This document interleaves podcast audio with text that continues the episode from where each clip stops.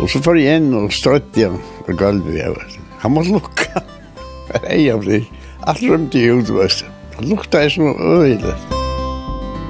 Vi har jo døverstek og kaffestek og så, og der har vi alt her nede, så vi kom ikke ut om, så vi så det her fra morgen til kveld. Så beit han i nakka, og så hendte det som hendte svult. Det lå ofte en lunsje, en fyra tøymer, vet du.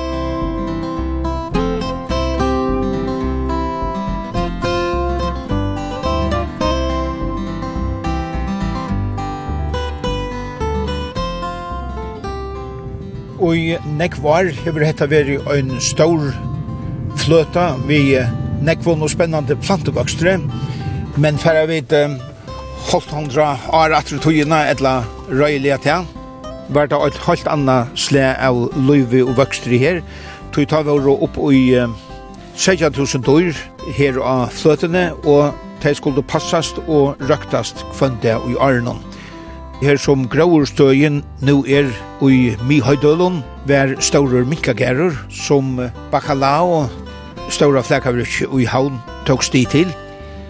Han byrja i her i 1900 og trusk, og helt opp om løy 20 år skjøttene, 20 kom ui, og atler minkaner var tekner av. Men i 20 år var hetta eit spennande og fjølbrøyt arbeidsplass, som en annor ver kan man nästan säga som är i gosse så är vart lite om ett lunch och Jeg fer nu en tur inn av Grauerstøyna sammen vi fyra mannen som arbeider her ta minka halte vær. Tar er atler om man fyrir 8-10 og trutjer av tøymon er og atleir ur bøen. Her er nek brøtt, bygningene som stod oppe ta er robustor og er, er kommet i stegen. Men daleren er den samme og tjevor tømmen fyra mannonon nekv minner. Hette er vi Tore og Tore og i Minkagærenon og i Høydølon.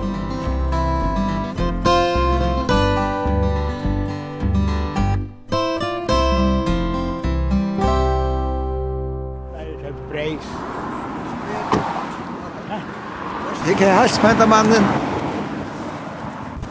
Det er nek var du gjerne at skoen er vekk. Det er som holdt kost. Jo, jeg minnes du ta det fleit høyt der. Ja, ja, ja, ja, ja. Det var jævlig. Du, ein, ein var livant etter du her, minns jeg, ja? Ja, ja. Og du sier til at han hefta strå. Ja, også så var det, ja. Ja, ja. Ja, ja. Ja, ja. Ja, ja. Ja, ja minkar. Ja. Jeg vet ikke hvor jeg har finnet 16.000, omleis 16.000. Ja, ja, altså, ja. Altså, 4.000 er litt, ja. Jeg mener, vi var 20 menn, og vi hadde 400 i past. Tøygar, så vi passet, oss. så stås jeg. Ja. Ja, så var det hannene. Det ble så dypne at han hadde hørt jo sutt. Ikke alt? Nei, nei. Nei, nei. Nei, nei. Nei, nei der måtte jo ikke være en arv, så der skulle jo skiftes. Blået ble skift. Ja. Altså, jeg gikk ut til Rasmus i mine tøykun, og han gikk. Men vi kom angat til fyra gikk. Ja, det lå lyga und ja. Ein kunne lett seg tru, ein seks og så videre, men mye alt ble knappa fyra. Det gjaldt å være du stod der på. Nei. Nei. Nøkos, nei, vilminkene finner lyset til meg, og så det er det som finner sitt til minne. Ja, det var som jeg passet i. Hei, du er ikke noe Ja. Så var det Hedlund, der var jo svast vi en sånn kvitt herlesbusk, minnes du? Ja. ja. Og så var det silverblå. Standard. Standard pastell. Ja, det var den blåne som vi heier. Ja. Gullberg, Gullfoss, hvordan ber det til at du får et arbeid i Minkagæren og i Høydalen? Du, jeg har vært sjåmau og fyrr. Så ringte Jankur og spurte om jeg hva kom her. Han greide fra at det var løn for trusstøymer, men leia trett at det var arbeid kvønda i åren. Og jeg helt dette av avhåvert, så jeg sier og, og møtte opp. Det var om grekarsmess i 1922. Da kom jeg lanar og byrja i Mikkagaren. Jørgensen var minka styrare, og her arbeidde jeg i åtta år, fra 22 til 70. Da byrja jeg nok i trus alltid nesten, og i 70 ta var det seneste drypner. Var det et godt arbeid? Ja, du først til arbeid til tjej i morgenen. Da var det vanlig arbeid som var 8 til 5. Fra tjej til 4. Og du arbeid leia det og sånn og det. Det var ikke givet vi. Det skulle de hese trustøy man gaukjera. Og så ta og vi litt nere fletta. Det tar litt av fletta. 1. november halvtid, kanskje 1. desember. Ta arbeidet vidt fra 9 til 3 i halvtid. Og det skulle være som en stattning og fyri. Det er lenge det er her om er. Jeg halte vi vidt alle var vel nøgte vi tog. Trus tøymer og arbeid åtta tøymer. Det var dårlig. Altså ta i pæringen var fyri. Det var det i en liten måned. Og ta i kveldbane kom og ta. Ta vi var ut alle sånne der. Men ta i den ringkaste var jeg av Da var sett ut tveir, tveir hver bor. Ta skiftet seg anna hver sondag. Altså, jeg passer i døyren til makkaren, en sondag, og så passer jeg min døyr, den neste sondagen. Det var et journal i, i, i minkene her. Hver minker er i sitt kort, hver og i nummer, ja, papan og mammen var noe til den i gjør. Og sånn kvalpare finnes jo, og imest, så var det gavn for ærling. Men jeg tror ikke det var brukt til nakka, det, det la bare så her. Det var sinde strevi, under pæring, og da kvalpane kom, og den er gaun setter. Da finnes jo vatten tverfrum dagen, i sånne skal som er gått anfyr. det er tjokt, det at tjokt, gikk er tjokt, det er tjokt, det er tjokt, det er tjokt, det er 600 bor, det var han han var rätt. Da kvartbanen var så fräger at det var for eta sjolver. Da ble det setter ut tvär tvär. Alt var i boron, ja. Det var en sånn liten kasse som, som der lå i og, og svåg. Altså, man gav dem en uh, fjord og man då nät. Det var sånn nätbord. Så er det der nu ur. Men det kvartbanen var smager. Da har man så plasteskal, og her korte man, ikke så får ut. Ta det så där vill jag og så som svansut. Men det her er ute, det var grammerita, ja. Ordle viltjör, skratt i hus.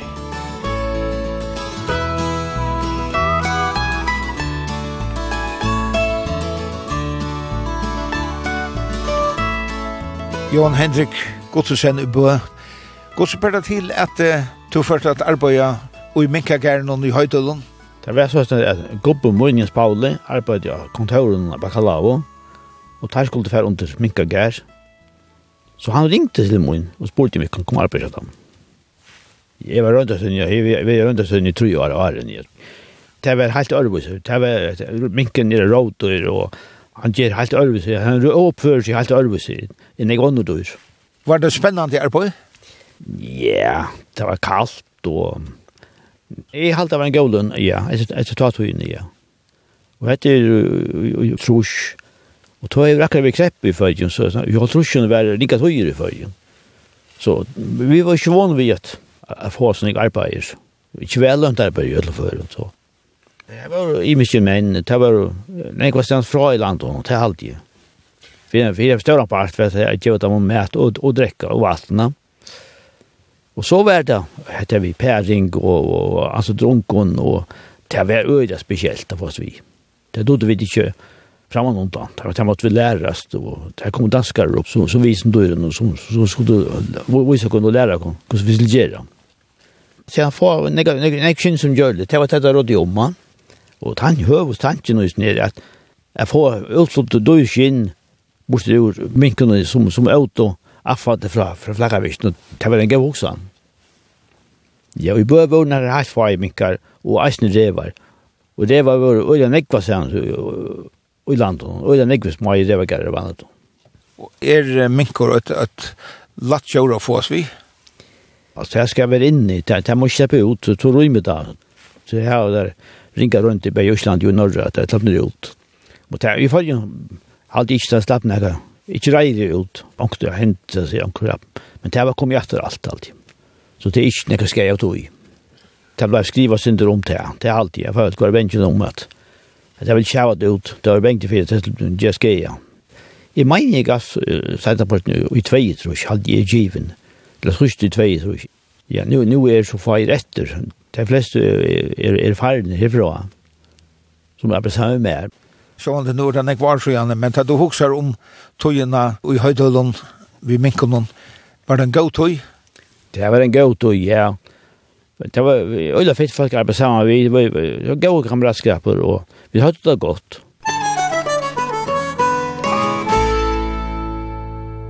Goldberg, hva var det mest spennende? Det var alt lykka spennende, Det var spennende vi tok nekka kvart på det fikkst. Tog inn avdelinger og Det var en annan kapping, men du kunde jo ikke gjøre vidt det, det var jo tryggene som skulle ledja. Men når røyne han setter det at at ikke var for skjeit. Man leie tomt net av dyrkje av buren som det ikke stod under middelen, men åttast vi en fem centimeter her. Altså, det gikk ut her, det lå avføringsfæra ut i hjørnet, så det er i middelen. Men det drog eisen ungarnar atter og fram og lødde det forskjellige stans. Og det kunne hente av flere fyrirnar at det dotten i middelen. Det var så pykkelig ungarnar. Det første du gjør det i morgen, det var å renne rundt utenfor vidum. og da fanns nekker unger. Og... Hette var det, så jeg prøvde 1. mai, ungar kom, så kort det bare innan, innan kroppen ned, for jeg hadde varmar. Jeg løvar sin ekslis, men det var så gjort og Og så tar jeg tog jeg, så følte det at etter jeg begynte å akla og renne for så lønte jeg det ikke der. Og jeg hadde bor, gjør han en skøv og gjort av for. det. Og sanden, for jeg finner rett av bor i atter. Så er spennende om, om å gå til tog den kvølpen. Det gjør det for det meste. Vi Kvart så hørte du at det var så grulig kvinn og i omkring kassa. Mm Så sås det at det var en seks unger der stod skrutt av. Her lå tøyken stein deg. Det et dem til beste bjørn. Det var rådgjøver og ringast og slag. Så vidt at det var blæ som kom ena for om, om og annan og Gustav Vær. Som er fellesskaper til Så min kan jeg gav ut. her stod at en årsøk var det hette endi at det finner ikke mjölk så ble jeg sikva, og så fikk det blåsmak, og så fortsatte så ut og det bare bjudgen opp. Det var nok så bittert. Og så var akkurat motsatt, jeg var ikke ljøv og høyre, han hørte det akkurat fra dammen, kvinn og så hørt. Så hukte du, ta seg den, jeg tog ikke her og slikka som kjaften, ungan og deier, men dribt allar. Syrgelig du hørst. Men det var nok så kaldt og veteren. Og vi var øylat hun tog at uh, var åpen og nekra vast. Det var bare netfyre. Hvis det lå på ut, så skulle det ikke være ut av høtlene. Så var det fengt der atter. Så det rådde jo om å være vel øylat. Gamle på landsen kom alltid nyan, nokja saftan. Vi vunni, ein eller tveim vunfløskon, eller det var flere. Og takka i fyrir året. Hetta var ikke kvarmans arbeid som vi det gjørs. Det ganger her kvann det. Jeg trykk vi at han mente det. Han sett ståren prus på at vi skulle ganger her kvann det og i åren. Det er det sin hardt. Og det er ikke til å få sommerferie for en ta det var at han åla så kvann for. Då jag tar vad snäcka gera kvart på vår smajer och så då extra passa extra väl och sånt.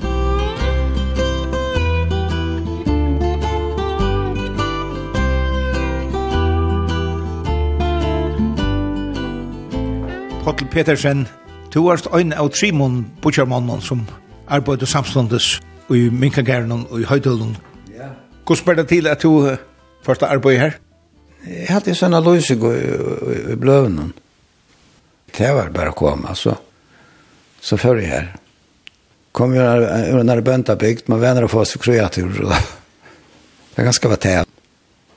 Og jeg skiljer at en av oppgavene som er var at uh, sprøyta der, ta et av skuld og pelsas, som de sa lettast. Ja, ja, det er gjort det. Det var vi en sprøyta. En sånn akkurat en revolver, eller. Så ble det stungt ned i i bøtjen. Kort og grunn av fett, og så ble det helt ned faster, og så, ja, så var bare gjød av det her. Men så ble det flett, og, og skinnene ble rensa i. Det ble torska i eisen her nere og bakalava. Ja. Rådkjør var det, tog var det så bengene for jeg tar så slippe ut. Ja. Det er på at man ansa vel etter. Men det slog på ofte ut ur buren. Da vi kom om våtnene, så, så, så var det ofte at det gikk ikke nekver, men det var godt gikk en og tvær ut, ut i gæren. Men det slog på ikke vågjere? Nei, nei. Det var ikke utan hålvar, var, det var sånne, hva var det, asbestplater, eller et eller annet ta pura tatt alltså gär. Ja.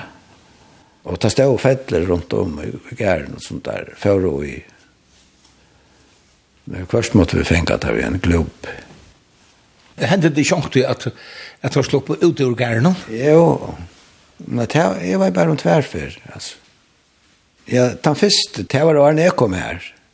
Det minns det vel til at det det er fortalt om det i utvarpen. Man lurte i hva det er også tar leita vetter som minns noen, og, og til enda så, så funtar han, og, og så ble han skåten. Angstene på tetter ikke. Det ble ikke høyt opp i at du ikke skulle komme ut i først og naturen. Det hørte om at, at, at det var slått noen leiser i Øslandet. Og her gjør det skreia på foklandøy og sånt. Og søylene, fengt av søyle av noen. Vart du til arbeidst ta nekver minkar drukna og? Nei, jeg var ikke slarbeis. Jeg, jeg var... Hetta var om kvöldi, og jeg boi nir boi og, og jeg visste jeg var omkom for, for alt var ivsteg. Men da har man ikke, ikke telefon og pjasar som, som i det, og så, så det var ikke nevnt å få vettere følelse. Hvordan var det så stod han til at du kom slarbeis morgen etter? Ja, var det ble. Nei, var dett, og, og, men jeg hadde ikke snakket slapp leiser. 800 drukna av. Ja. Det var så øyelig regn, og, og det, det var en byrkjen kom av for, og det fleit på om, så der han om han og gæren. Så kom du på til bordene, bordene for rundt, og det tog var det drukna av. Det som var om han måtte ånne. Ja, ja, det var kommet i pressen, han er eisen i Danmark. Og det er da prenta akkurat i avvis alltid. Det var en prentvidla. Det var 800 munkar var drukna her. det var det var bra stått litt. Ta du huxar om tatuina så er det gau minner du hör herfra? Ja, det har nok stått litt for kvart, där. Men var det. Og, og ta oss og bunt til eisne, hvis du tar skulle ha et av kvann det. Sånn at det er leia det eisne. Vi holder aftan. Vekskiften, ta skift oss vidt. Ja. Vi vet det, ut og sammen, og jo, jo, det var for alt inntil hver annan har pratet og sørt. Så la seg ut vidt det godt.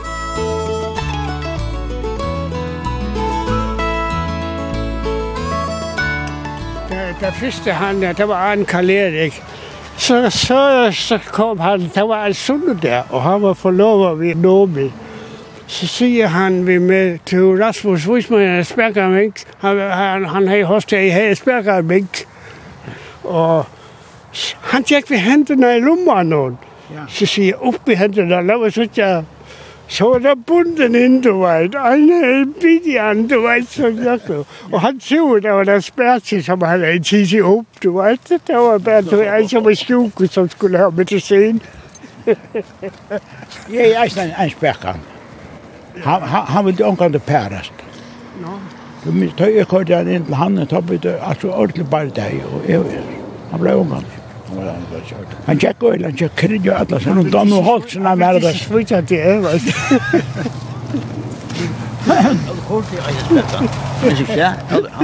Han kela i fyren, han var så nært, så bare han nøsna, miste han. Han høgte, høgte nøsna. Det var Martin. Ja, Martin. Det var Martin. Var det det? Ja, ja. Okej. Ja, han blev blivet. Ja, det var inne i höllen här, Jakob. Vi arbetade samman. Ja. Jag stod mitt nere i höllen och Jeg måtte renne nian hvor det her heng tenken her. Ja.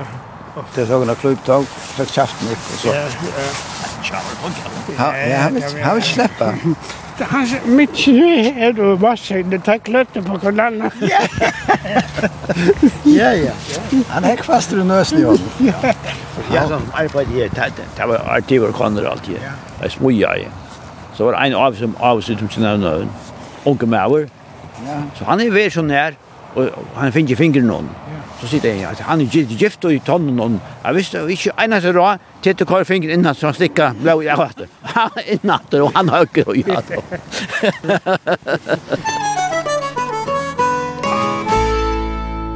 Gullberg, Gullfoss, hvordan får pæringen fram? Det gikk jo, jeg halte det var trutja tøykar, så jeg så i kursen det, ja. Etter at det var fyra, jeg minns det ikke. Og så var det en hannur, Og så fortsetter jeg alle veien. Altså, du er i 400 tøyker og 100 hannar, ja, ja akkur så året. Så tøk han av tøyk, og rett igjen inn til han, altså, du kørte lukene nyer. Det var akkur som han er visste hva skulle skje. Tøy, hvis du kørte en, en luk opp, så leip han ut tøyken eller, eller hanneren. Men i pæretøyen, så det kørte luken opp, Så sa han bytter hukte bare. Og så rattet jo han og noen tøyene. Så beit han i nakken. Og så hendte det som hendte skuldt. Det lå ofte en lunsje. Det der pæra oss. En fyra tøymer, hørt. Og så skulle du skriva nyer hver han og rei vi, vi, vi hennes av tøyene. For jeg kunne bruke det som skjønne halvsettene. Det var nok snart skrivarbeid, ja, det var det, ja. 400 trykker, ja, og i part. Jeg halte vi dør om tutsjo, ta i dør mest. Jeg minnes at uh, 16.000, det er mest vær. 16.000, ja. Vi kom omgang til oppa fyra, djøgnligt. Kvart bare 3,8 halte jeg, vet det mest. 6 det var det mesta som onker hei åtta, så tog man tvær fra avast og kåret her til en æra tog. For jeg kjenner det rett, og så klippte man helten av hælan. Det var så skriva nyer at, at han var flottur herfra her til, for at finna han attor. Ja, du hei jo avbyrden av oss ned, så gikk du her om og pæra i og, og marera i akkurat. Og ikke blanda seg på i. Altså pæra, ja, jeg husker vi gjennom henne. Og april, april og mai, da kom kveldbaner. Nei, kan det sånn som sier. Jeg har alltid begynt å a fletta så september alltid. Kveldbaner, ja. Og det er tog her, som ikke hadde noe mye. Jeg tar hukte han øyre og letter at det er sånn å passe kvalpene vel, altså. Og ikke problem, altså. Det er sånn at seks kvalpene til tøyene. Det var det første man sette vi. Og tøyene er undan time og tøyene som hadde haft noe mjölk og alt det imskast. Du vet, sprøyta av eisni. Og som ikke kjem mjölk, så fikk han annan sprøyta enn og slag. Altså, det er nytta i åndsja teka det beste burde ur. Det var aller penast det ble sett av vi, for jeg var av alvingene bedre. Og han er, altså, blivit tar flere år gamle? Nei, jeg minnes ikke, en tro år kanskje. Det var sett ut, nå ikke vi, hver er fyrna. Man har ikke finna fram til det freiaste. Kursen det. Vi prata prata om det vi hørst. Det finner ena fra deg med at det ble koka og, og blanda nere, nere bakalau. Det arbeid her med år. Det var ikke småvis. Det var mest vært, da kom det nye tveimobilen, lastbilen. Det var ikke så røst over, det var, men i minst hvordan det var halv av tunner. Det er han tok seg med. Ja. Så ble det kort opp i en våken, og så trillet jeg med han, i middelgången her, og, og fjorda i, ved en er skai og han har bor. Tøyene til, de får og nyan åkja vi. De ble vippa i og tæv her. Det ble så grulig og grønt. Så tjekk hurten her og skava i og skreite det ut og sånt. Han arbeidde en uke, en reisne mykka. Thomas Rupeksen.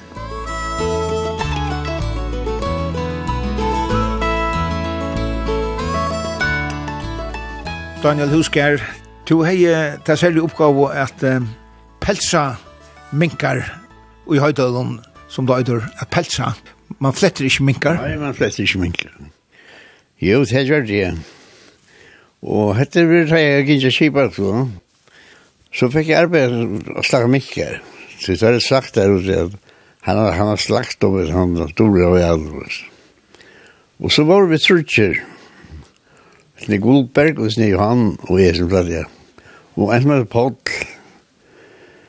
han, han prater det så, og så ble det kastet en gulv. Og så får de holdt det jeg. Jeg får direkte at den skolen til, direkte inn her. Og så satt det kveld til. Det er snabbt hus og så inn at han var mange mykka gæren. Det var bare et romer. Jeg gikk det fyrt. Det er sånn alt det, at er tror vi hadde tunga. Ja. Så tjúðu þú som så er vi øyre noen til, så alt kjenner jeg også. Det var alt spesielt lest, altså jeg skal være så endelig øyre eier alt det som Så jeg tror det er for spesialister i det. Du var jo slaktare. Ja, ja, så tror jeg hun det med minst nere. Danskar være Karl-Erik Jørgensen, liksom. Og her var, kunne tenke hva den tjej under om det er ene alt, ja.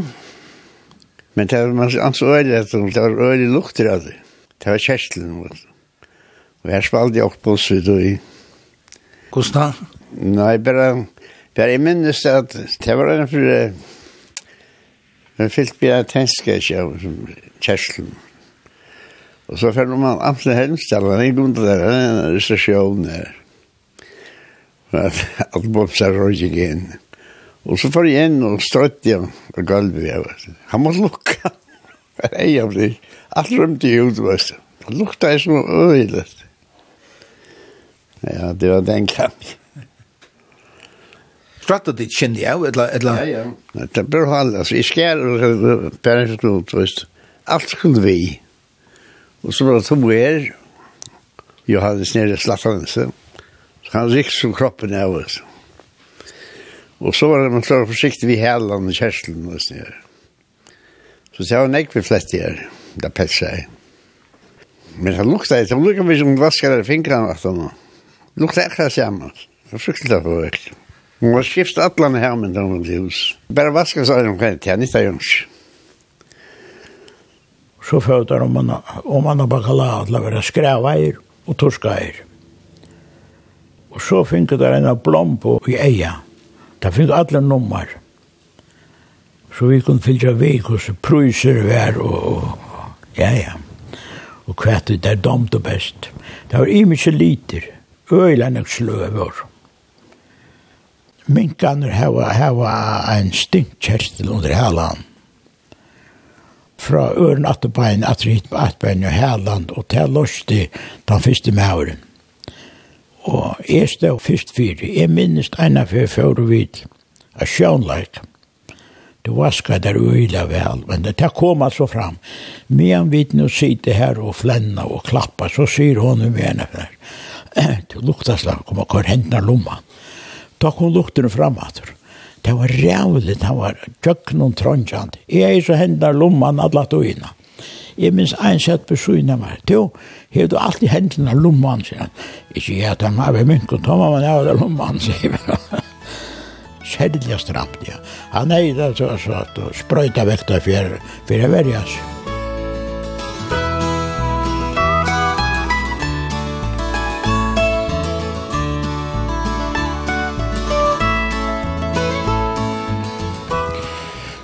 Starfolkene her og Gravorstøyene i Høydølund er og bløyvi tar fyra mennene som arbeider her, ta minkagerren vær her, og løyeren av Grauerstøyene, Rekol Arnfrøy Dam, viser tøymon hvordan det ser ut her i dag. Og hva stæleren her i Mihøydølen er den samme, er nek brøyt. Jeg kom og arbeid her, da hadde vi sånne bekker hendet veien, og ta var det fremme i slanter etter. Ja, det er så gæren, satt han. Her, minst inn er nyan til. Ja, Så langt ned jeg var av kranen slettra. Ja, kranen? Ja. Vi var av poster, heter Jørgensen og man kjør poster her. Nekkong. Rævlig lunge at vi gjør vatt alle veiene. Og at man bare ved Sillebøren, og unga traktorene der, ja, heter jeg. Jo, Pott, Ein av kom en sån traktor av köra vid. Fåmaskin. Fåmaskin. Ja. Man sitter på akkurat som en trutje. Så var det så var det en slanka. Mhm. Sen fick stanna vid skajen och vad stod på. Först man en afra, ta den på sjön. Ja. Men det räcker så till att det inte leva så blätt. Ja. Hade det alltså det det samma med strös vi en. Vi kunde inte ha maskiner, vi måste göra ordentligt manuellt arbete. Det är så blätt. Det som du nok ser nå, ja, er at her er her, henne veiten her, var nok langer handaveien takkar på at det treet i her, da. Å ja. Så vi har akkurat lagt av hekki ut pui, for å få, til at få skrattere av han større og brukeligen. Tanken er faktisk å leta han opp her oppe, så man skal kunne genge inn igjen her oppe, og utanfor her i her er gjørt en gøta igjen her, da. Så man skal kunne genge, han skal leta oss opp som en allmenn rav. Men her, det som kanske är särskilt vi som det här noe särskilt tror alltså. Eh men annars sett att eukalyptus tror jag här uppe men det är noe plantor ute tyne. Det var tagit här runt så kan färna töntor och tøntor og, og sjøren ødom, någon i Hörsholm och sånt. Och i Forsen vant det här. Du när när när jag där här gråsöner. Ja, och så 6 halv fjärs. Så långt det där är. Så var lejon mal skriva under vid Torp kommune. Man lejer det i 100 år fram med den skåfring her mot Torsland kommun. Men da byrja vi som byrja sindro Arne til. Ja. Akkurat hvordan det byrja jeg, det er du ikke å men det var en dansk herre som et, det kallet vi Ebbers. Han heia vinkafarm. Og hvordan tar du kom nu i kontakt med en annan, det vet jeg ikke, men han let ærlig gjørende, så snakka tøykar opp til fyrir. Så skulle Aksel Akkurat Hansen sørger for buren og til alt var gjørt. Akkur så løsnet alt det var. Akkurat uh, prosentvis hva hver åtte, det var det ikke. Men jeg halte det at Torsans pelsturs farm i Loksort halte det at det var mest slik som det fikk. En større parter. Det var det som Axel Hansen også mest om. Han selger slik til at det er, ja Men det var noe annet kort, og hva det det var det det minnes i Hørtland. Til visse tøyer fikk det bedre mat, ja. Og det ble sjåpa er hva vi kom. Så skrev vi til lorten sammen ved Røyvån. Det var jo sand og rundt.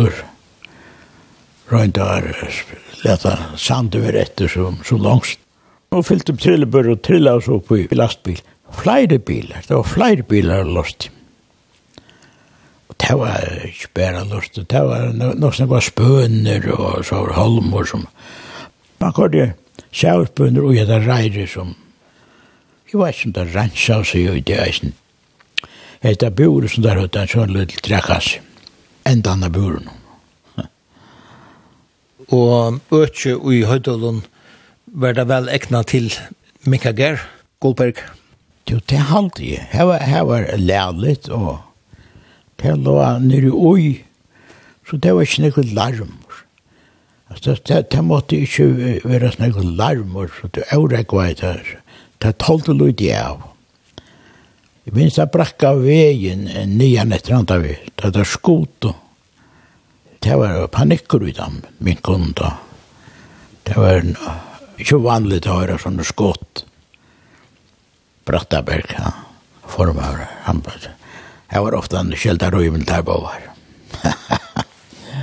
og, og virkislag er en danskaren, han for at smatt ikke lepp opp og skjelta han leikar spurte alt millioner navn for fjontjus og sånt. og hi spurte om han, om han var kommet ned til oss, stekka utviklingen i fyrjen, så det er nok stått til å høyre det skjeltast.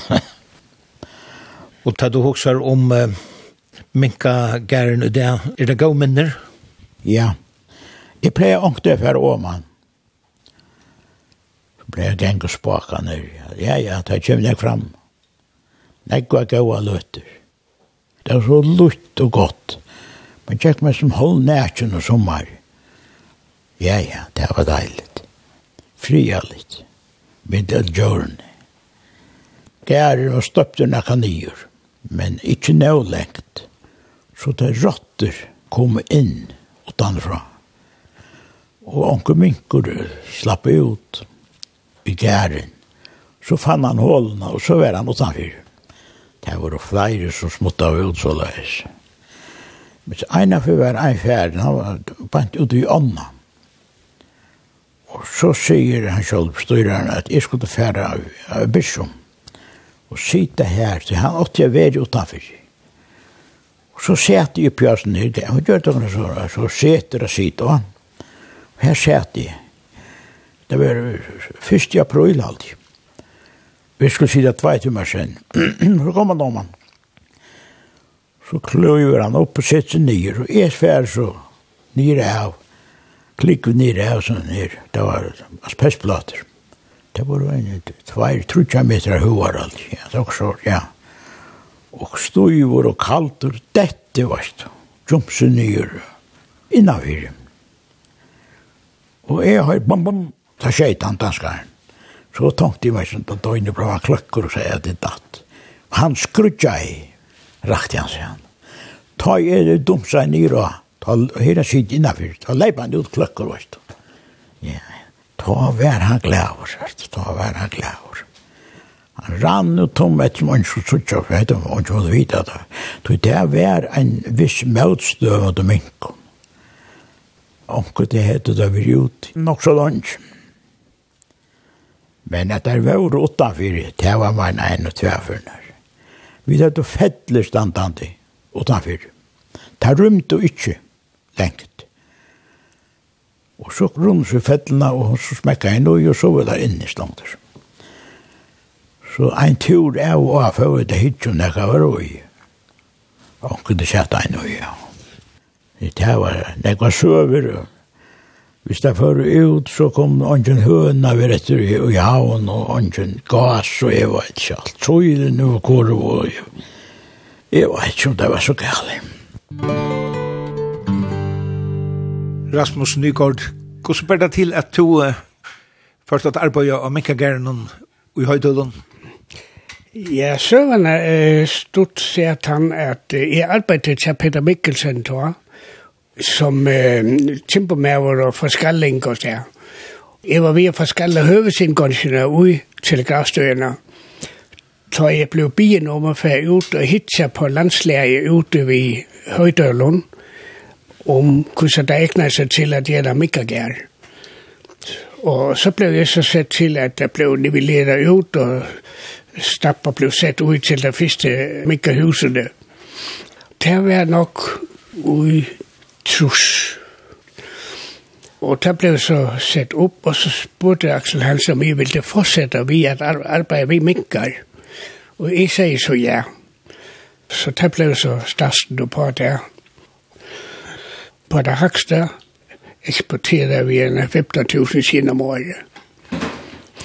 Men så att han har en tutsi og vil jeg halda ta kom sjuka ui, og så går vi deg. Det tror de ikke fortsetter. Var det spennende arbeid? Ja, det, det vil jeg si, altså, mennesker og djøl passer vel sammen, så det, jo, vi døpte det vel. Det er et lutte vildt djøl, Men det var ikke vi dog vi. Vi hørte øh, hansker som var så tykke, der kunne ikke bo i det i Og Små fettler vi kunne lukke det ind i, så vi, uh, vi var velvaret. Ja. Og i 22, så var jeg stålkæver, så vi måtte uh, græve og gå ud til minkagærne, og, og løgne, og der var jo bare kæver og frost, og der skulle have mært, og mærten, det der var jo beinfrist, og Så det var nok så tubelt, når det er her, ved at kippa ferie, at ikke en anden lukka kom stav tog Og så var det jo så i vest nok, ude tror jeg trus, der er en stor iversvimmelse vær i minkakern hvert ude 800 minka minkar drukna jeg Det var nok en kjele hending kan man sige. Og det var et tidspunkt, lukka Arne, det kjenne vær på der hakster, Så at sinne sjålt var ikke hei størst videre, og tog at oss tog en passage til der, men der kan man så ikke kvitse der.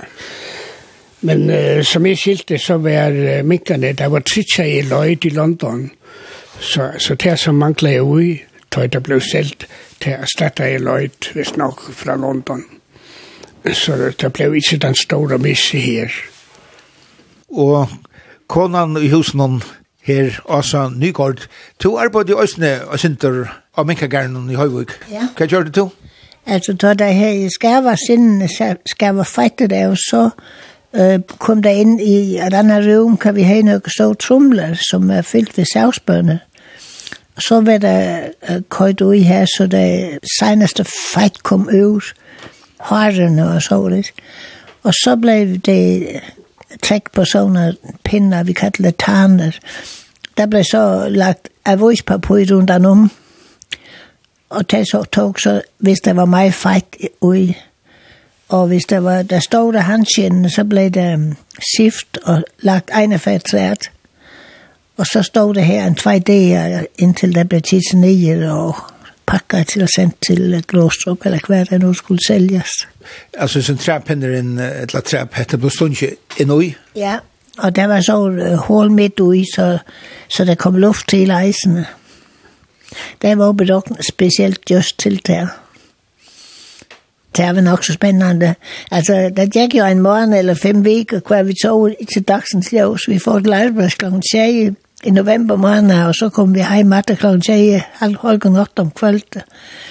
Så det var helt underligt at sitte dagsløs.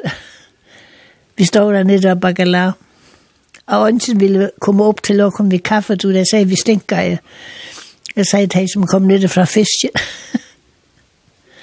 der lugter edler? Ja, det er jo dejsen fra fisken, så det kunne væbe dem op. Det var nok så hunderligt. Altså, det var så, her Rasmus og jeg kom og kjenne os. Vi gikk sammen kvann der i en 4-5 vike, så da det var just der, så vi visste Silja starter. vi tar diamantbrytler med 4-4, vi tar gift i trus, og altså det er jo lengt tog. Så det var minkene som førte til kompære sammen? Ja, ja, det var det. vi havde jo døverstek og kaffestek og så det. Der havde vi alt hernede, så vi kom ikke til udom bakalar hernede, så vi så det her fra morgen til kvöld.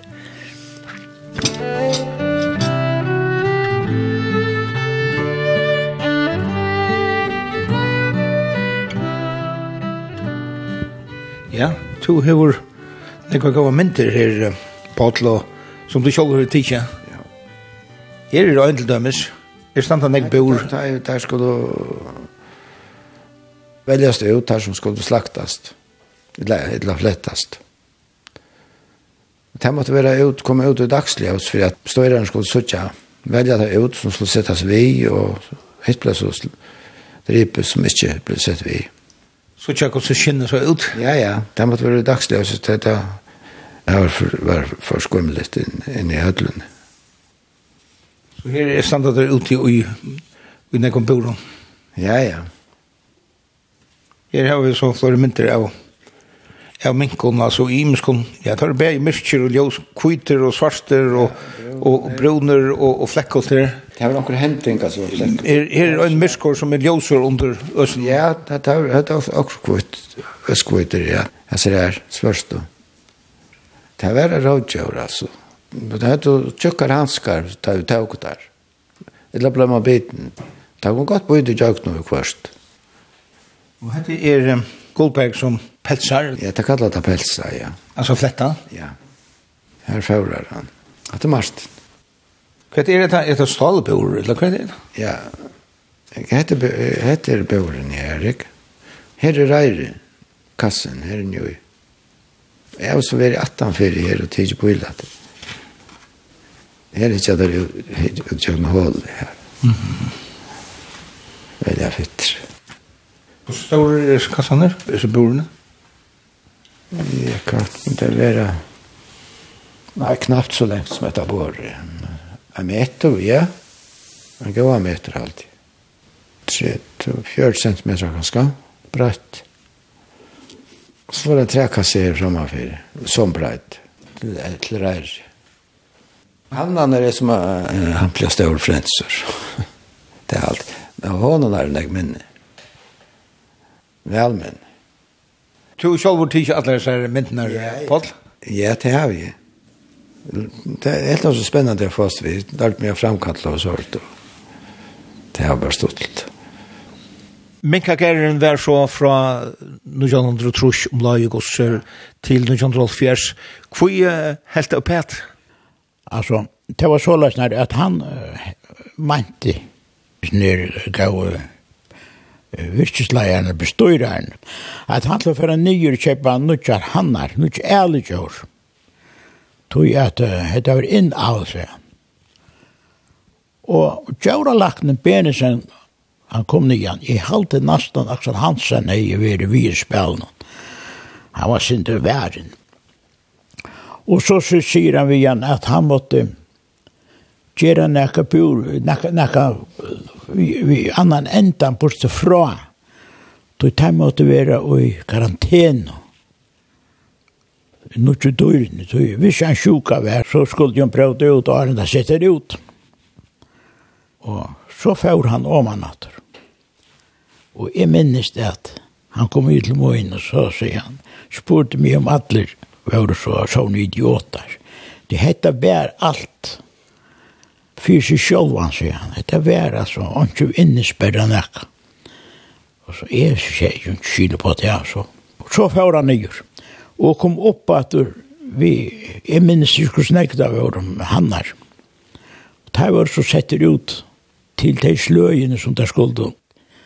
Jeg fikk nekrar, og han kjøpt av synder av ötlund. Og så tjekk tog inn. og så nå begynner alle at jeg får leite en avførning, og det er sånn og borster. Men det var ikke bare en av vei, det var ut mot sommer, kvaltbaner. Da breit denne sjukan ut, i minsk og sted. Samme ikke det er sånn, omfarsjuk eller sånn. Han er lukkeligur. Så kom tjauralakten igjen, ja, veist du, kanna jeg der her. Og han kunne ikke sige nekka, men han måtte sende senda nekka avføring nyer. Og så kommer, av, så kommer beskjed at hun nyrefra, at det var ikke å finne i nøkrum avføring. Jeg minnes han kom ned igjen. Og jeg kunne ta for å spurte meg, jeg sier, her ser her i sjukket og sart. Så samlet jeg selv og sammen. Da jeg har mistånkt i han at han er sendt friska lort nyer. Og jeg, jeg kan også at det passer i. Og så får han nyer, og han kom opp atur. Vi tog flikkvarnen som rente av Mykines, Kjørlakn, Bernsen. Så det var av heldig for han. Jeg minnes det nekket han av at han kunne genka komme ned igjen, og sier vi meg rett hei, at det vet jeg som jeg hei, som jeg hei kvittan, at det var det her der høyt. Men jeg kunne ikke stedfeste det. Men han fikk så stedfeste. Og jeg minnes det ikke, det kostet så sånn, jeg var ikke nere atler. Og det var ikke sikkert at jeg slett jøkken, og, og det var alltid så at jeg tek alt det av. Det var så enden. Altså, onker som arbeidde her, jeg skal ikke nevne hva det var, det er lukket mye, det var tveir, som var atler var å fortsette. Og Aksel helt at det var funnet det, så får han att tåsa vi en norrman som var uh, lejare nere i Bacalao. Han säger, vi tar för Guds skyld inte. Han kommer bara dyrast när jag det. Så kom han igen att då säger sig åren att han är spurt en dag ner, virkeslejer jag ser. Och han helt inte. Och han har inte akta han. Han säger det vi sorg. Tjekkan, han säger inte jag mötte. Så kanskje det vil vinkafarm stadigvæk. Det var det ikke. Men det var stått litt og spennende arbeid. Så la jeg stå ut her. Det var alle drypner. Men ikke alle, nei. Han selv kom opp. Jeg synes ikke vi er. Det er først for det så han. Og han skulle til heva så sånn jeg ærlig gjør. Og det var så samla saman og kort og i. Fettler. Fedler så fører der og bara kjalder.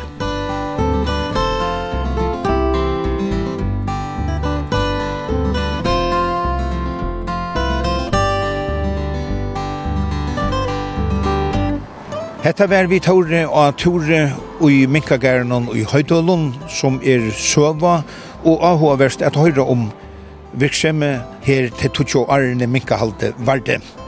Hesen turen er atur at høyra i utvartnum torsdag klokkan 11 og leirdag klokkan 4 og det ber òsne til at lusta av heimasøyene tja kringvartnum skriva kvf.fo framskak tt og at så hinner er hesen turen òsne som potvarp vi tåre og tåre hever òsne sujo av Facebook.